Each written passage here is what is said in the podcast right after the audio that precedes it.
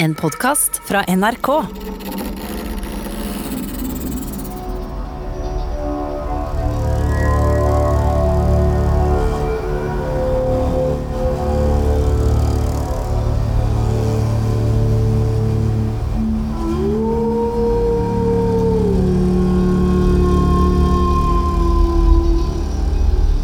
Det er julenatta året 935. Og i året 935 er julenatta rett og slett ganske skummel. For da, da er skillet mellom den vanlige og den overnaturlige verden nesten utviska. Og gjenferd og troll og vetter og all slags skapninger herjer gjennom lufta. Noen mener at en Odin sjøl flyr omkring og jakter på troll og monster og den slags. Det er ei magisk natt.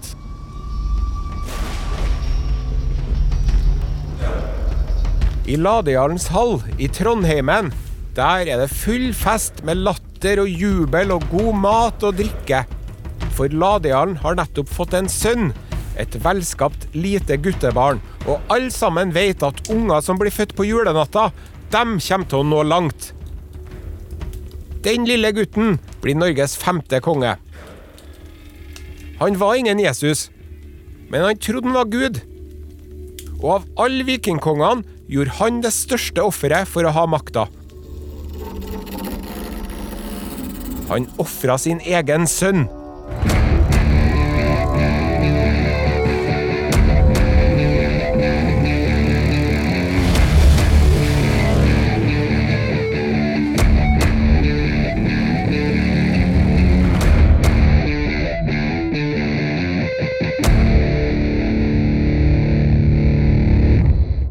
Hører Kongerekka med Are Sende Osen.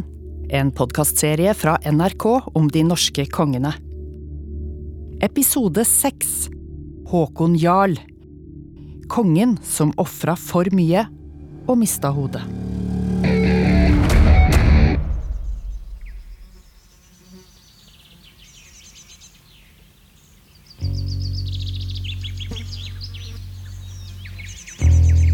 Ok, Håkon Sigurdsson Ladeal.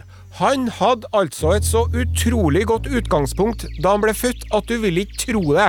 Født inn i makt og velstand og toppsjiktet av Norges elite. Som om ikke det var nok. Hvis man går lenger tilbake i slekta, så hadde Håkon Jarl guddommelige aner. Han stamma fra Odin sjøl, i direkte linje. Ganske kjent fenomen det her, at kongelige og fintfolk skryter på seg at de har en gud bak i slektstreet. Det er jo noe som legitimerer og forklarer makta og posisjonen deres.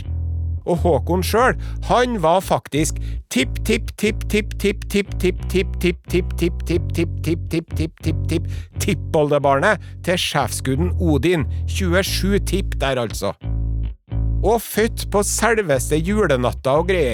til sjefsguden Odin. 27 tipp der. Og født på selveste julenatta og greier. Og om han ikke ble født med en gullskje i munnen, så kunne han godt ha blitt det.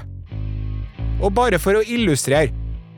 Da han var rundt et halvt år gammel, da fikk han Håkon, som babyer bruker, sin første tann. Men babyer flest bruker ikke å få et annet menneske i gave når de får sin første tann. Men det gjorde han Håkon. Han fikk en tanngave, som de kalte det. Sin egen personlige trell. En liten gutt født samme natta som Håkon sjøl. Den gutten kalte jeg for Kark, og Kark var Håkons trell hele livet gjennom. Så hører vi ikke noe om en Håkon på en lang stund. Hele barndommen hans nevnes ikke med et ord noen sted, men jeg tipper at han fikk eh, tipp topp vikingoverklasseoppdragelse. Neste gang Håkon nevnes, har han rukket å bli 15 år og pult på seg en løsunge. Ja, unnskyld språkbruken, men han Håkon hadde altså vært på gjestebud på Østlandet og tydeligvis tatt for seg og kost seg fælt. For ni måneder senere kom det ei tjenestejente eller budde eller noe. En kvinne av lav ett, står det i sagaen. Men unge hun sa var Håkon sin. Og Håkon sa ja vel, det stemmer sikkert det. Og tok nå imot ungen og kalte den Eirik, og satte den bort til en kompis sør i Trøndelag og lot den vokse opp der. Hvordan så han ut, han Håkon, lurer du kanskje? det kan jeg fortelle deg. Snorre skriver at han var vakrere å se til enn folk flest. Han var faktisk den vakreste av alle. Han hadde gult hår og skjegg, og håret falt i lokka. Han var ikke høy, bare middels, og det var tydeligvis et minus den gangen. Men alle hans andre fortrinn veide opp for det her aberet, for ellers var kroppen hans helt super. Han var svært sterk og god i idrett, klok, veltalende, festlig, tålmodig, gavmild, langsint. Langsint er jo ikke noe man trekker fram på jobbintervju nå for tida, men det var tydeligvis bra å være langsint den gangen. Så var han grusom mot fiender, og så var han en stor hærmann. Men det kuleste av alt med en Håkon Jarl, det var Leggene! Han hadde nemlig spesielt vakre legger. Faste, sterke legger. Hvis du skulle ha hatt noen til å reklamere for sokkene dine på internett, da du kunne ha brukt en Håkon Jarl som leggmodell.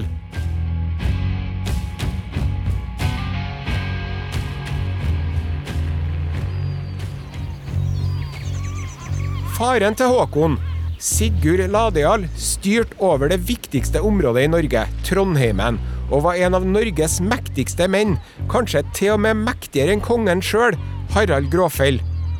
Men da Håkon var i slutten av 20-årene, fikk kongen snikmyrda Ladealen ved hjelp av den forræderiske, onde Judas-onkelen hans, Grotgard, som så ble Ladejarl i stedet. Det er litt uenighet om akkurat hva som skjedde med Håkon etter at faren hans ble drept. Kildene spriker. Noen mener at han forskansa seg i Trøndelag, og at han og onkel Grotgar drev og jakta rundt på hverandre der i et par år. Andre mener at en Håkon, da han mista faren sin over natta, skjønte at nå var det best å skygge banen, og det litt brinnkjapt, og at han for i Viking og herja rundt i Østersjøen. Men enten han gjorde det ene eller det andre, etter et par års tid, da var han i hvert fall tilbake i Trondheimen med en stor hær og slo i hjel Judas Grotgar. og etter det, da ble Håkon Jarl sjef over Trondheimen. Men det likte jo ikke kong Harald Gråfeil og Gunhildsønnene. Så da drev de og sloss mye med hverandre, og det falt masse folk på begge sider. Og det var jo sikkert både spennende og interessant for både Håkon og Gunhildsønnene. De kjente sikkert at blodet susa i årene. Men for vanlige folk var jo dette her utrolig slitsomt. Når som helst så kunne det komme en gjeng med krigere til gården din og spørre hvem er du holder med, Ladejarlen eller kongen?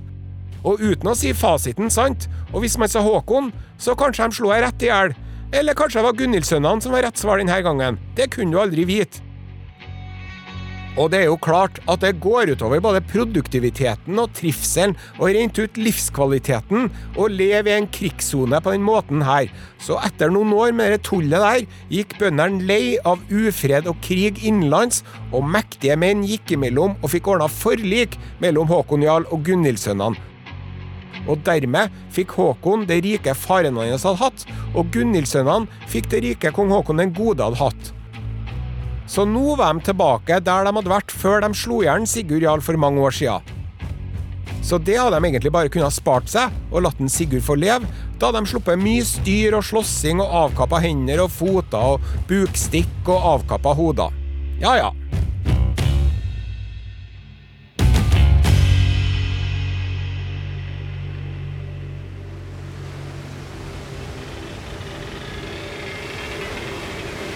Og det er jo på den tida her at en Håkon Jarl og Gunhild kongemor antageligvis ble elskere.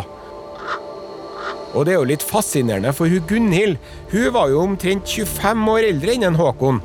Så det var litt sånn mildfatt greie de holdt på med der. Og ganske sånn elsk-hat-opplegg i tillegg. For de drev altså og prøvde å lure hverandre og se hvem som var listigst, som det står. Så det må jo ha vært ganske spennende hver gang de skulle ha seg et nummer. For før hvert stevnemøte tror jeg begge må ha tenkt det skal nå bli spennende å se i kveld om jeg får meg pulings, eller om noen stikker et sverd i magen på meg, eller forgifter meg, eller tenner på huset jeg sover i mens jeg sover. Ja ja, får nå uansett ta med ei god flaske frankisk vin. Og en ganske interessant greie, det er at etter at Gunhildsønnene hadde fått drept en konkurrent og småkongen på Østlandet, Da var Gunhild helt besatt av tanken på å få tak i den unge babysønnen hans, Olav Tryggvason. For hun Gunhild mente at hvis den ungen der fikk vokse opp, så kom han til å bli en konkurrent om kongemakta. Og det hadde jo rett i, for Olav Tryggvason blir jo konge i Norge litt seinere. Men i hvert fall så drev Gunhild og sendte folk etter den ungen der. Og lederen for den gjengen som jakta på den ungen, det var en mann som het Håkon. En av Gunhilds venner. Og dere har man drevet og diskutert i tusen år. Om den Håkon, en av Gunhilds venner, om det var Håkon Jarl eller ikke. Og det er ikke godt å si, men det er noe interessant likevel, syns jeg. Samme det. Sånn var situasjonen. Det var en slags skjør allianse mellom Håkon Ladejarl og Gunhildsønnene. Men alle sammen visste at det her var en tikkende bombe som kunne eksplodere når som helst. Og etter at den skjøre maktbalansen hadde vart i noen år, fikk Gunhildsønnene et overtak, og Håkon Jarl måtte rømme landet.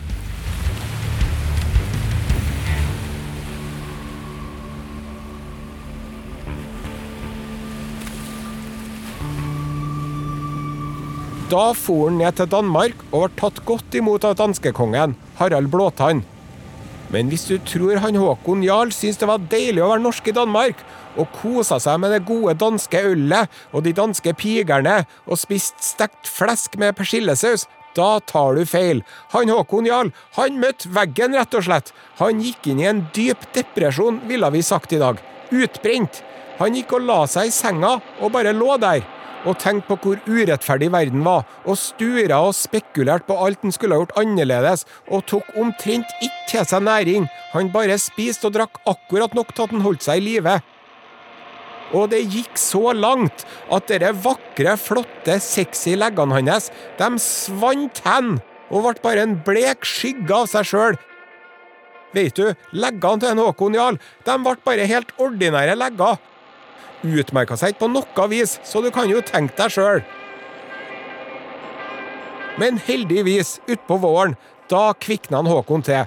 Da tok han seg sjøl i nakken og sa at nå, nå må du skjerpe deg, Håkon. Kan ikke ligge her og sture. Nå må du vise dem alle sammen hva du er god for, Håkon. Og det skal jeg fortelle at han gjorde, ja. Han lå der i senga og klekka ut en slu plan for å vinne tilbake makta i Norge.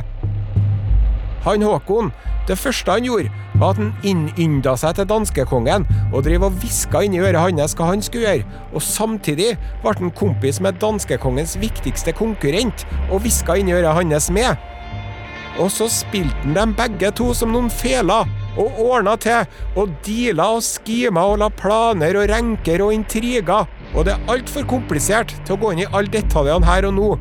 Men enden på visa var at en Håkon Jarl fikk lurt en kong Harald Gråfell til å komme ned til Danmark i den tro at han skulle hjelpe danskekongen med noe. Men der ble Harald Gråfell drept i et bakhold av danskekongens viktigste konkurrent, som knapt rakk å si 'jippi, vi har vunnet', før Håkonjall kom seilende og tok han til fange og hengte han i et tau etter halsen til han var død. Så var han kvitt han. Og så fikk Håkon hjelp av danskekongen til å utruste en svær flåte. 600 skip, står det i sagaen. Og så for de tilbake til Norge og bare feide Gunhild og Gunhildsønnene og alle andre konkurrenter av banen. Og nå var det Håkon Jarl som hadde styringa over Norge. Og det var ingen som kunne stå imot den eller måle seg mot han på noe vis.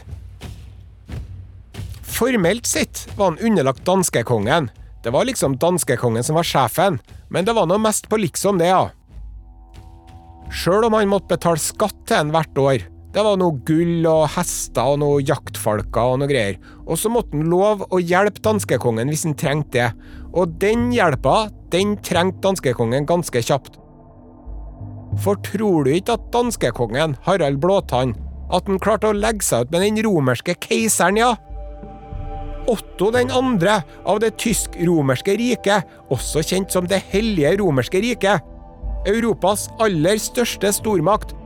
Omfatta mesteparten av dagens Tyskland, Tsjekkia, Østerrike og Belgia, foruten store deler av Polen, Nederland, Kroatia, Frankrike og Nord-Italia. Det hellige romerske riket mente sjøl at de var etterfølgeren av det gamle Romerriket, og var altså en skikkelig tungvekter. I hvert fall den tysk-romerske keiseren. Han var så opptatt av at danskene skulle bli kristen, så han sendte bud til danskekongen og sa at nå må dere ville hedningene skjerpe dere og ta imot en Jesus, hvis ikke så kommer jeg og tar dere. Men danskekongen var tøff i trynet og sa ja, lykke til. Og så tok keiser Otto den andre og samla sammen en hær med folk fra hele riket sitt, og den var umåtelig stor, den hæren òg. Og da danskekongen fikk høre om det her, da sendte han bud til Håkon Jarl, hvor han sa at nå trenger jeg hjelpa di mer enn noen gang før. Og Håkon skjønte at det var alvor, og kom. Og da var han ganske lur, sjø. For han kom til Danmark med ei svær flåte og en stor hær. Men hæren og flåta satt igjen ute i fjorden. Og så for han til danskekongen med tolv menn og sa Her er jeg med mine tolv beste menn, klar til å hjelpe deg. Og danskekongen sa tolv menn, det er jo ikke nok. Jeg trenger jo hele hæren og flåta di. Og Håkon sa ja, de kan være med dem òg, men da må jeg slippe å betale noe mer skatt til deg. Misforstå meg rett, jeg og mine tolv menn, vi er med uansett, men hvis hele flåta og hæren min skal være med, da må jeg slippe å betale hestene og gullet og jaktfolkene hvert år. Så sa danskekongen, ja, det var nå litt av et dilemma du satte meg i nå, Håkon. Og Håkon Jarl bare, ja, du får nå bestemme sjøl. Og så tenkte danskekongen på keiser Otto 2., og enden på visa ble at Håkon Jarl skulle slippe å betale den der skatten. Og danskekongen satte Håkon Jarl til å forsvare noe som het danevirke. Og danevirke, det var et tre mil langt forsvarsverk. Forestill deg det gjerdet Asterix og Obelix de har rundt landsbyen sin. Nei, vent! Forestill deg den kinesiske mur, bare at den er laga av stein og torv og tømmer og vollgrav foran. Og ikke i Kina, men langs grensa av Danmark og Tyskland. Og dere fikk altså Håkon Jarl i oppgave å forsvare. Og der krasja de sammen, keiser Otto den andre og hele EU-hæren hans, mot Ladealen og nordmennene og noen dansker. Og det ble et veldig slag, og der falt det en mengde av keiserens folk, men de klarte altså ikke å komme seg gjennom det forsvarsverket der. Så han keiser Otto den andre, han måtte bare gi seg, og snudde med uforretta sak, og prøvde seg ikke noe mer på å erobre danevirket må få lov til å si at det var ikke så verst av en Håkon Jarl å beseire selveste keiseren av det tysk-romerske riket, Europas mektigste mann, men han gjorde altså det. Og Håkon var jo selvfølgelig ganske fornøyd med seg sjøl. Mission accomplished. Og så dro han tilbake til skipene sine, og planen var å ferde hjem til Norge igjen, men så fikk han ikke bør, som det heter. Vinden blåste feil vei. Så han ble liggende nede i Danmark og venta på at vinden skulle snu.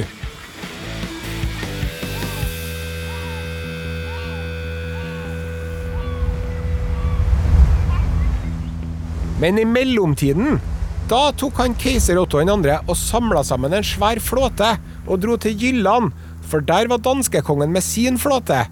Og der møttes de i enda et stort slag. Og Otto vant, han keiser Otto, som ikke hadde sjans mot Håkon Jarl, fikk ganske greit slått danskekongen. Og da måtte jo danskekongen be om nåde, og det fikk han, mot at han lot seg døpe, altså bli kristen, og det gjorde han. Og så sendte danskekongen bud etter Håkon Jarl, uten at han sa fra at han hadde blitt slått av keiser Otto, ja, og sa kan ikke du komme og hilse på? Og det gjorde han Håkon Jarl, hvorfor skulle han det, liksom?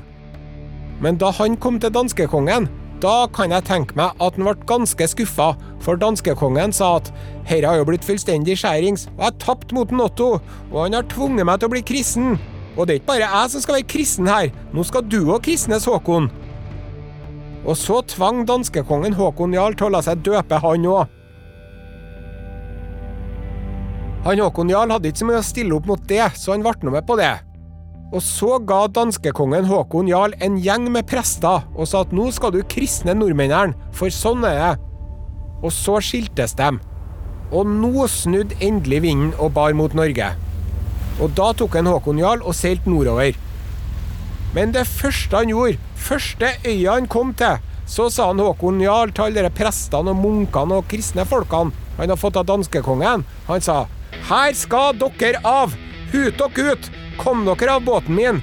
Hele kristninga av Norge er herved avlyst, sa Håkon. Og så dro han til Sverige, og herja og brant underveis. Sikkert ganske sur og forbanna og skuffa over at han hadde blitt tvangskristna på den måten der. For han hadde jo holdt sin del av avtalen, for å si det sånn. Så Håkon følte at denne tvangskristninga, det gjaldt ikke. Han gidda ikke å bli kristen. Og da Håkon Jarl kom til Sverige, da tente han på alle skipene sine. Sikkert for at ikke noen andre skulle få gleden av dem. Og så tok han hele hæren sin og herja seg hjem til Norge, til fots. Og etter det her var Håkon Jarl mer og mer uavhengig av danskekongen, så han styrte landet sjøl etter eget forgodtbefinnende. Og det som er interessant her, er at en Håkon han var ikke noe opptatt av å kalle seg for konge, han Håkon Jarl. Sjøl om han er med i kongerekka og regnes som Norges femte konge, så kalte han seg aldri konge sjøl. Han var jarl, han, og det var bra nok for han. Jeg tror faktisk at en Håkon sjøl mente at det var bedre å være jarl enn å være konge.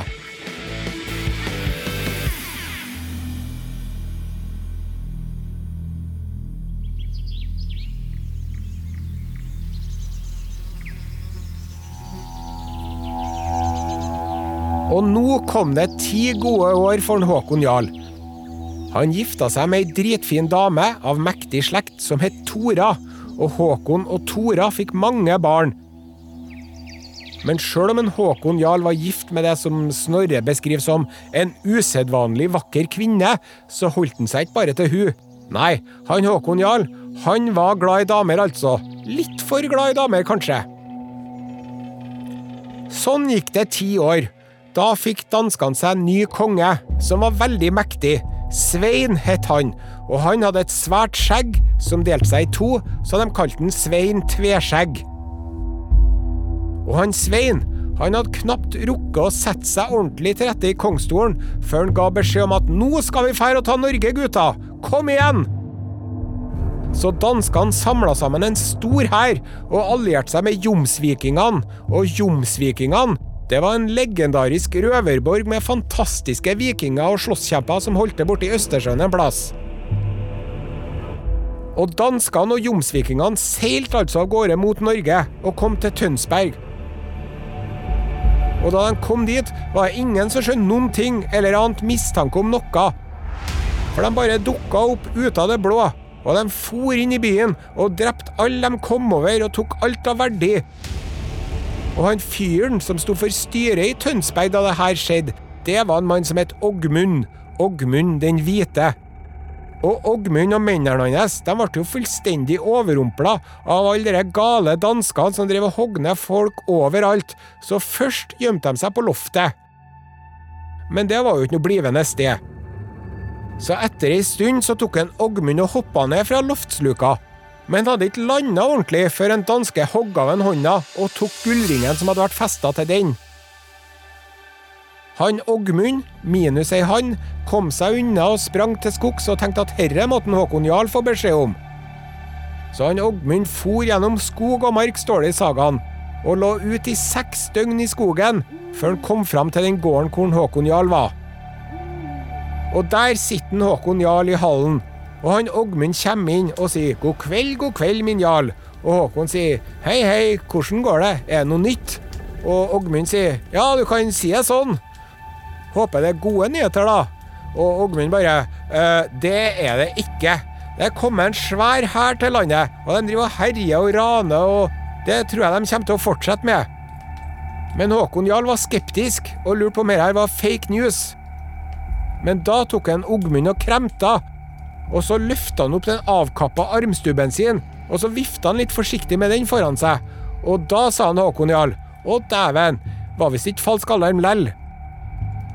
Så da han Håkon Jarl skjønte at det var alvor, da sendte han ut beskjed til alle kanter, i nord og i sør og i øst og i vest, og sa at alle våpenføre menn som klarer å holde i et skjold, de må ta med seg det skjoldet og komme hit nå, for nå gjelder det!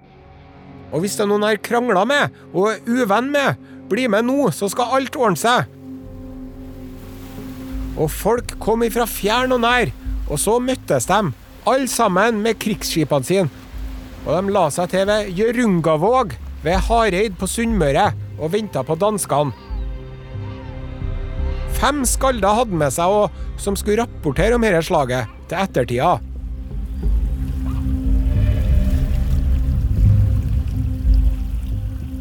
Slaget ved Hjørungavåg starta i finvær.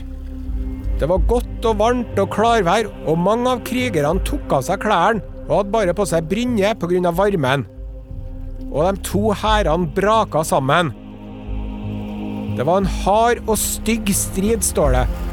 Og det falt mange menn på begge sidene, men mest hos Håkon. For dere jomsvikingene, de var så jerv og modige og gode krigere. Snorre forteller at det var så mange våpen som traff Håkon Jarl, at brynja hans ble slitt i filler og var til ingen nytte, og så tok han bare og kasta fra seg den. Og de sloss altså så lenge og så hardt at etter ei stund så ble det en liten pause i slaget, faktisk. Så det sier nå litt, når du driver og kriger så lenge at du må legge inn en liten timeout. Men det gjorde de. Og da sa han Håkon Jarl det virker på meg som om denne kampen her går mest utover oss, og de folkene her, det er den verste fienden jeg noen gang har møtt. Men nå skal jeg gå opp på land, og så skal vi se om det ordner seg. Og så gikk en Håkon Jarl til lands på ei øy hvor det var en stor skog, og i den skogen så var det en liten lysning, og så la han seg ned så lang han var, og så begynte han å be til gudene. Jeg sier gudene, og da skjønner jo du at det var de gamle gudene. Men han ba ikke til Odin, og han ba ikke til Thor, og han ba ikke til den enarma krigsguden Tyr heller. Han Håkon Jarl, han ba til sin egen personlige, spesielle guddom. Ei gudinne ved navn Torgerd Helgabrud. Ja, for han Håkon, han hadde sin egen personlige gud, og det var altså hun Torgerd. Og Torgerd hadde hjulpet Håkon mange ganger før, da han hadde vært i knipe. Og han Håkon Jarl, han ba og tagg Torgerd om å hjelpe han. Men hun vendte det døve øret til. Og han Håkon får det for seg at hun er sur på han, hun Torgerd. Og han prøver alt for å blidgjøre. Han tilbyr å blote, ofre, okser og gullringer og hester og gode greier. Men det er ikke noe svar og ikke noe hjelp å få. Håkon begynner å bli desperat, så han tilbyr manneblot, altså at han skal ofre mennesker til Torgerd hvis han hjelper han å overvinne fiendehæren. Han begynner med å tilby noe treller og noe fattigfolk, men fortsatt ikke noe svar å få. Så begynner jarlen å høyne, da. Han begynner å love å ofre viktige folk, og til slutt så sier han Jeg byr alle menn til blot. Du kan få velge deg hvilket offer du vil ha. Bare ikke meg sjøl eller de voksne sønnene mine. Men han Håkon Jarl, han hadde en sønn til, en sønn som het Erling. En sju vintre gammel, svært lovende gutt. Og endelig har han Håkon tilbudt noe Torgerd Helgabrud vil ha. Hun velger seg Erling. Og da skjønner Håkon Jarl at Torgerd har tatt imot blodet. Hvordan han får de her tegnene, det vet ikke jeg. Det står det ikke noe om, sikkert oppi hodet. Vet du hva han Håkon Jarl gjør da? Han gir sønnen sin, minstegutten sin Erling, til trellen sin Kark og sier at han skal drepe gutten. Og sånn blir det.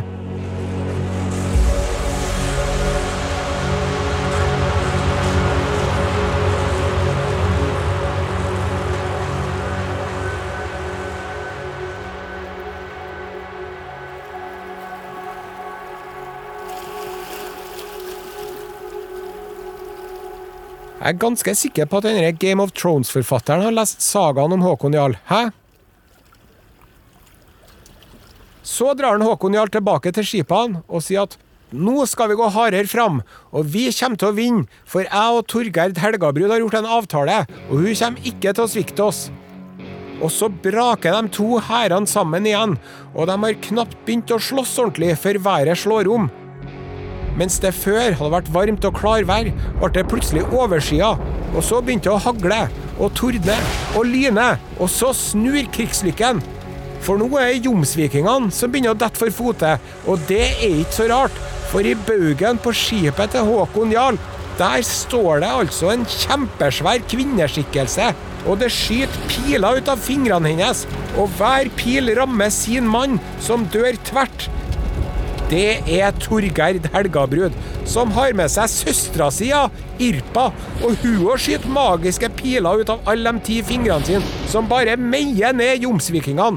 Og etter hvert så skjønte jo sjøl de gale danske krigerne at herre går ikke, så de som ikke var drept allerede, stakk tilbake til Danmark eller var tatt til fange.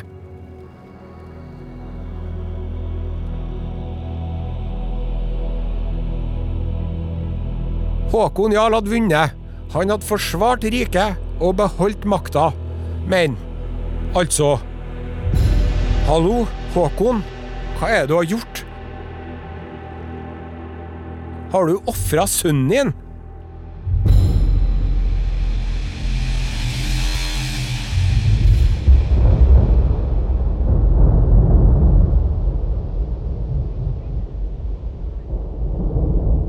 De neste ti årene var det ingen som kødda med Håkon Jarl.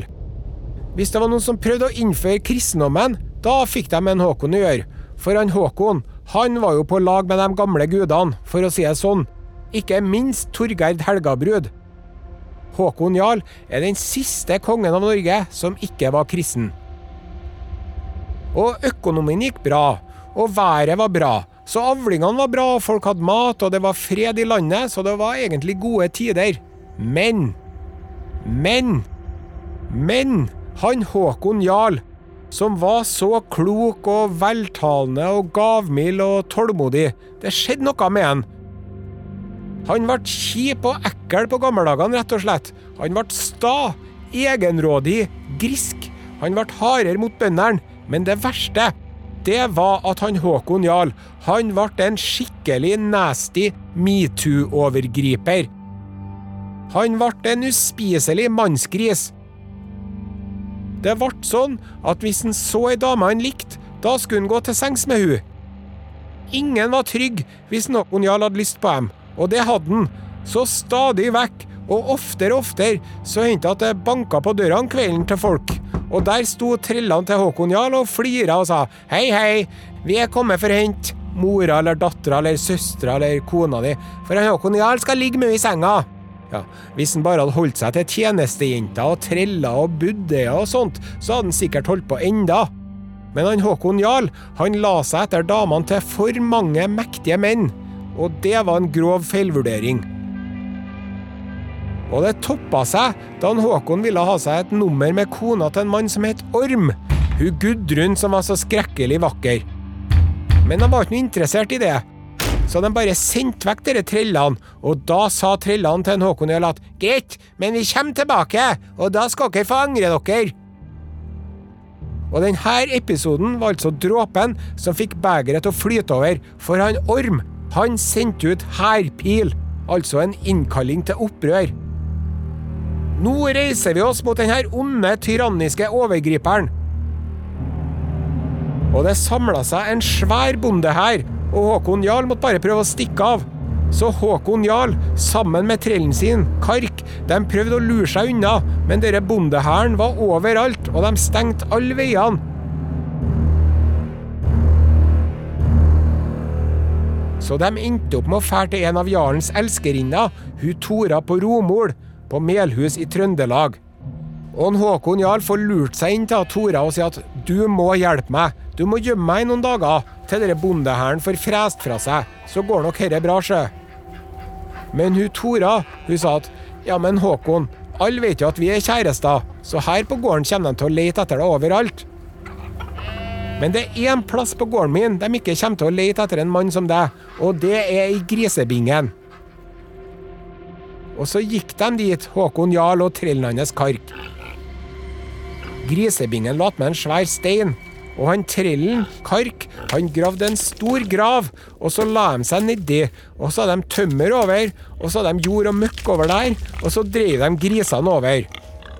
Ja, og så rett før de la seg nedi under grisbingen, så sa Tora, Ja, forresten, jeg hører at Olav Tryggvason har kommet inn fjorden og drept en av sønnene dine.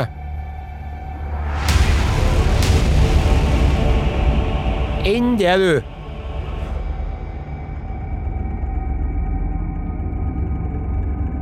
Akkurat idet Håkon Jarl hadde fucka opp noe så gæli og terga på seg alle bøndene i hele Trondheimen med den uhemma tvangspulinga si, akkurat da kom en Ola Tryggvason inn fjorden fra utlandet med bare fem båter. Så det var jo en fantastisk flaks for Ola Tryggvason, og man kunne kalt det tilsvarende uflaks for Håkon Jarl. Men jeg velger å kalle det karma, og sånn går det når du oppfører deg som en svinsk tulling hvert fall.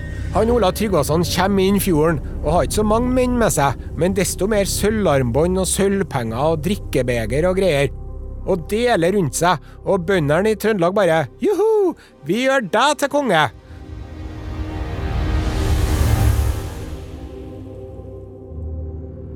Og så dro Ola Tryggvason med alle bøndene på slep til Tora på Romol, for de tenkte han har sikkert gjemt seg til Tora, Håkon Jarl, og det hadde han jo.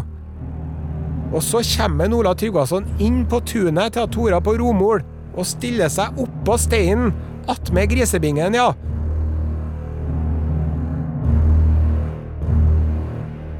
Og Ola Tryggvason roper ut at den som kan ta kverken på Håkon Jarl for meg, den skal få både gods og gull. Og mindre enn to meter unna, under grisene, blant all skiten og gjørma, der ligger jo Håkon med trellen sin og hører det her. Og da hvisker Håkon Jarl til trillen sin. Du ble altså bleik, Kark. Og Kark bare Ja, nei, bleik? Nei da, nei da, nei da, nei da. Og så sa Håkon Jarl, husk på at vi ble født samme julenatta, vi to, og det kommer ikke til å gå lang tid mellom at vi dør heller, det skal nå være sikkert. Og så lå nå de toene der under grisebingen og hørte at de leita etter dem oppe i dagen, jarlen og trellen hans, den ene hadde fått den andre i gave 60 år før, og de hadde vært gjennom tykt og tynt sammen. Ja ja. Og så spiste de litt mat de hadde, og så drakk de litt av den samme skåla, og så lå de nå der. De sov ikke noe godt noen av dem den natta der. Først sovna han Kark, og han skrek fælt i søvne og våkna og sa til jarlen at jeg drømte at Ola Tryggvason la en gullring rundt halsen på meg. Ja, det betyr at den skal skjære av deg hodet, det, sa jarlen. Og så satt de våkne ei stund, jeg vil tro at stemninga var trykket, som de sier. Men utpå morgenen sovna jarlen, og han hadde ikke sovet lenge før han òg fikk mareritt, og han sparka og vrei på seg og ula så høyt og uhyggelig at en Kark han takla ikke presset lenger, og trakk fram den svære kniven som han hadde i beltet. Sikkert samme kniven som han hadde drept den sju år gamle sønnen til Jarl med, den gangen i Jørungavåg. Og så stakk han den gjennom strupen på Håkon Jarl så den stakk ut på andre sida. Og så skar han hodet av Håkon Jarl og sprang av gårde med det.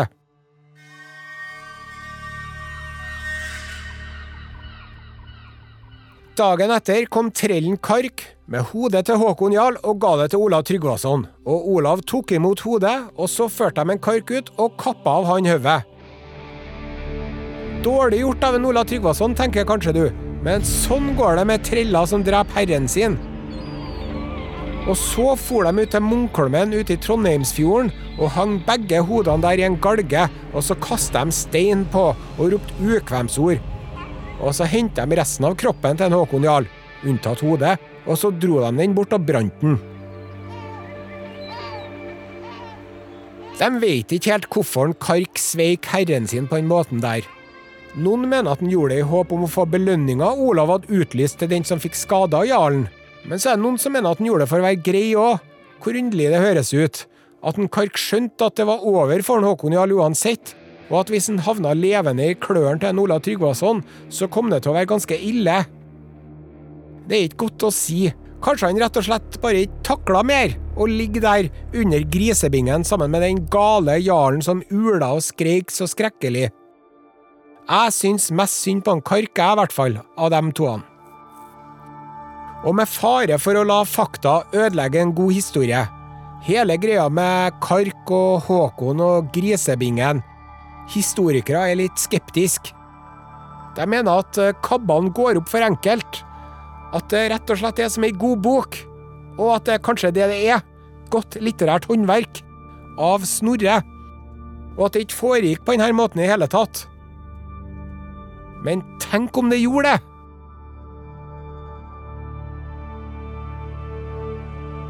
Uansett. En trist ende på historien om Håkon Jarl. Han som var så klok og smart og dyktig strateg og god forhandler og kriger og glad i damer, ja vel, men han ble jo helt bad. Hva var egentlig som skjedde med en Håkon Jarl på slutten? Det kan man spekulere på. Jeg holder nå en knapp på at det skyldes til at han ofra sin egen sønn. Det må ha plaga han. Den prisen var aldeles altfor høy. Skulle ikke ha gjort det, vet du.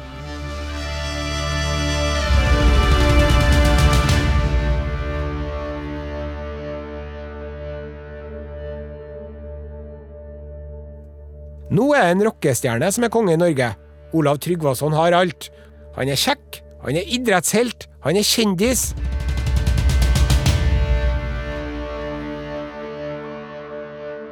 Men hell i kjærlighet, nei, det har han ikke.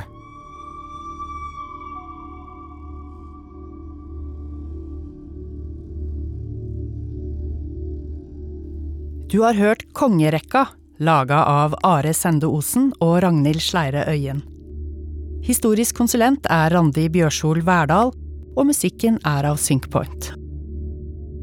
Neste episode handler om Olav Tryggvason, kongen som trodde på Gud, og skjebnen. Kongerekka er en podkast fra NRK. Du kan nå høre alle episodene i denne serien i appen NRK Radio.